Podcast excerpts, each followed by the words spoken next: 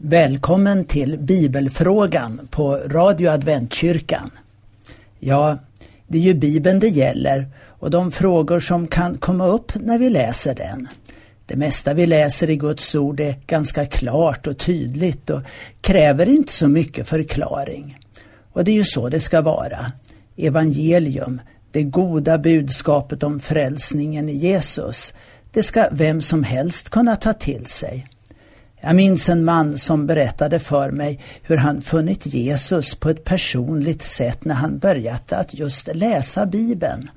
Jag frågade honom hur långt han hade läst när han så att säga nådde fram till upplevelsen med Gud.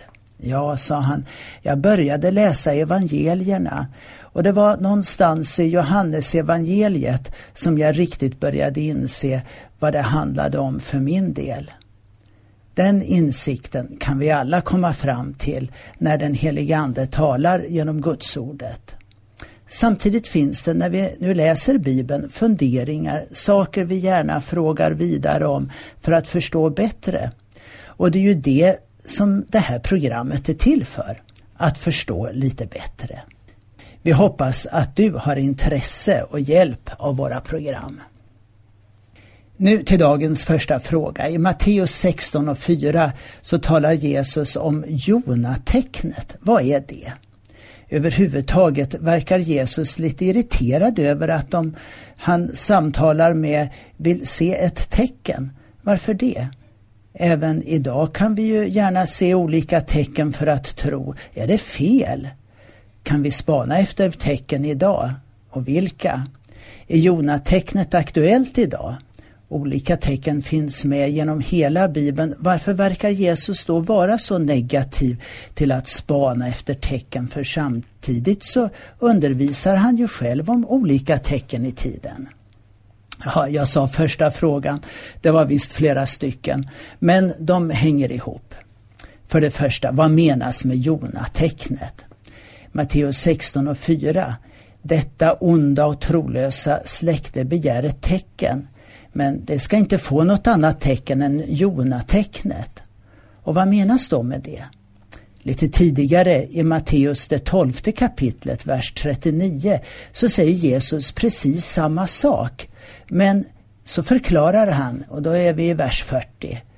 Ty liksom profeten Jona var i den stora fiskens buk i tre dagar och tre nätter, ska Människosonen vara i jordens inre i tre dagar och tre nätter. Det är alltså helt tydligt att Jesus syftar på sin död och uppståndelse här. Jonatecknet var att Jesus låg i graven från fredag till söndag. Om vi räknar helt strikt så låg ju Jesus i graven delar av tre dagar för han begravdes på fredag eftermiddag och uppstod på söndag morgon. Och det innebär då att han faktiskt var i graven bara två nätter. Förklaringen till detta är att det här är ett uttryck som inte är så exakt tänkt på den tiden då det skrevs. Språkligt bruk är väl inget vi kan ändra på i efterhand. Så kontentan är att Jona tecken är Jesu död och uppståndelse. För det andra var Jesus negativ till tecken som hade med tiden att göra. Det är faktiskt inte det han säger.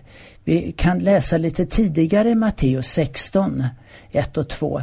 Fariseerna och saddukeerna kom fram till honom och för att sätta honom på prov bad de att han skulle låta dem se ett tecken från himlen.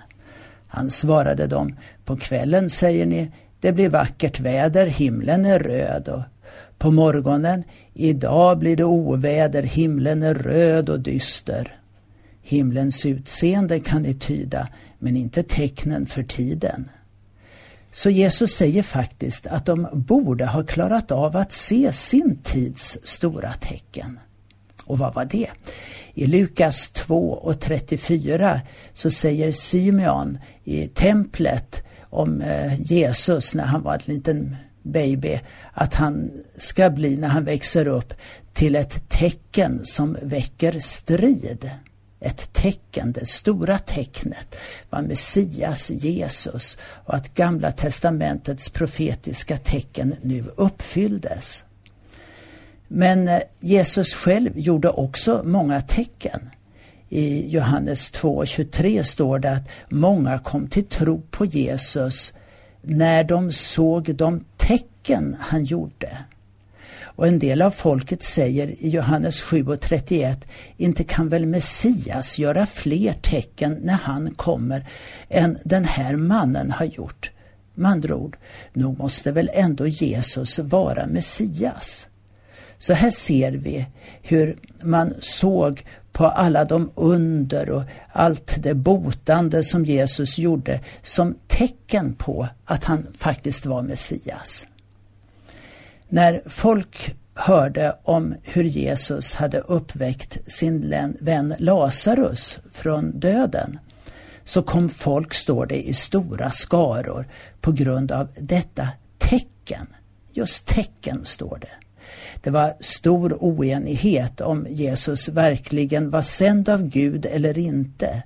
Och trots alla de tecken man såg så påstod vissa att Jesus var en syndare och att han botade människor med hjälp av de onda andarnas förste. För eh, dessa var Jona-tecknet nog det slutgiltiga tecknet, det stora sista tecknet. Det vill säga, när Jesus uppstod från döden så kunde man ta emot det tecknet eller förkasta det. Det ser ut som att det alltid finns en möjlighet att bortförklara och inte ta till sig de tecken som man möter. Samtidigt är det lätt att ropa efter fler tecken. Men om man inte tar till sig de tecken och bevis som man ser så kommer det aldrig att bli nog med tecken och under.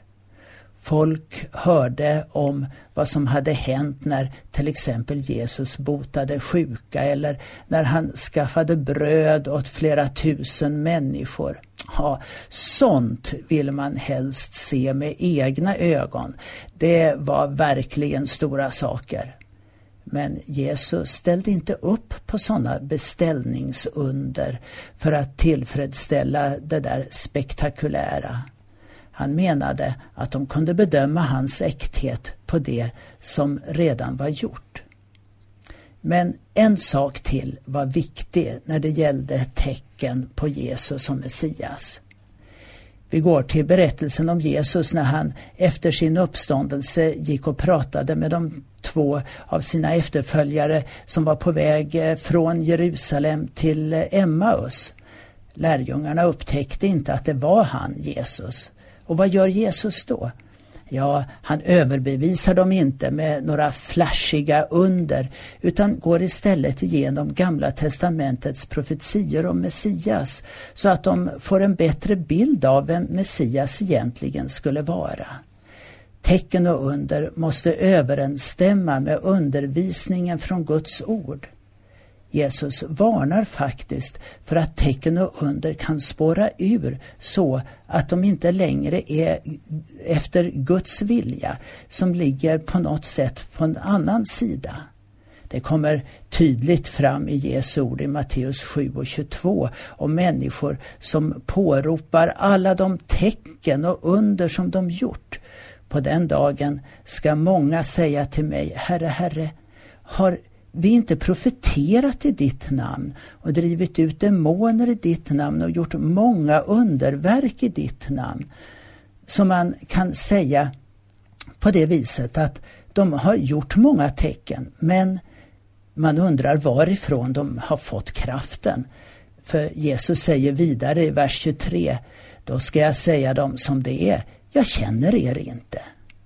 Så tecknen måste prövas mot skriften för det varnas ofta i Nya testamentet för falska tecken och under och falska profeter och lärare. Dessutom får vi hjälp av det som Jesus varit inne på när det gäller andliga gåvor. Bara några verser tidigare i Matteus det sjunde kapitlet och vers 20. Av deras frukt ska ni känna dem. Så Vi har fått möjlighet att slippa bli lurade men ibland kan det ta lite tid innan resultaten visar sig.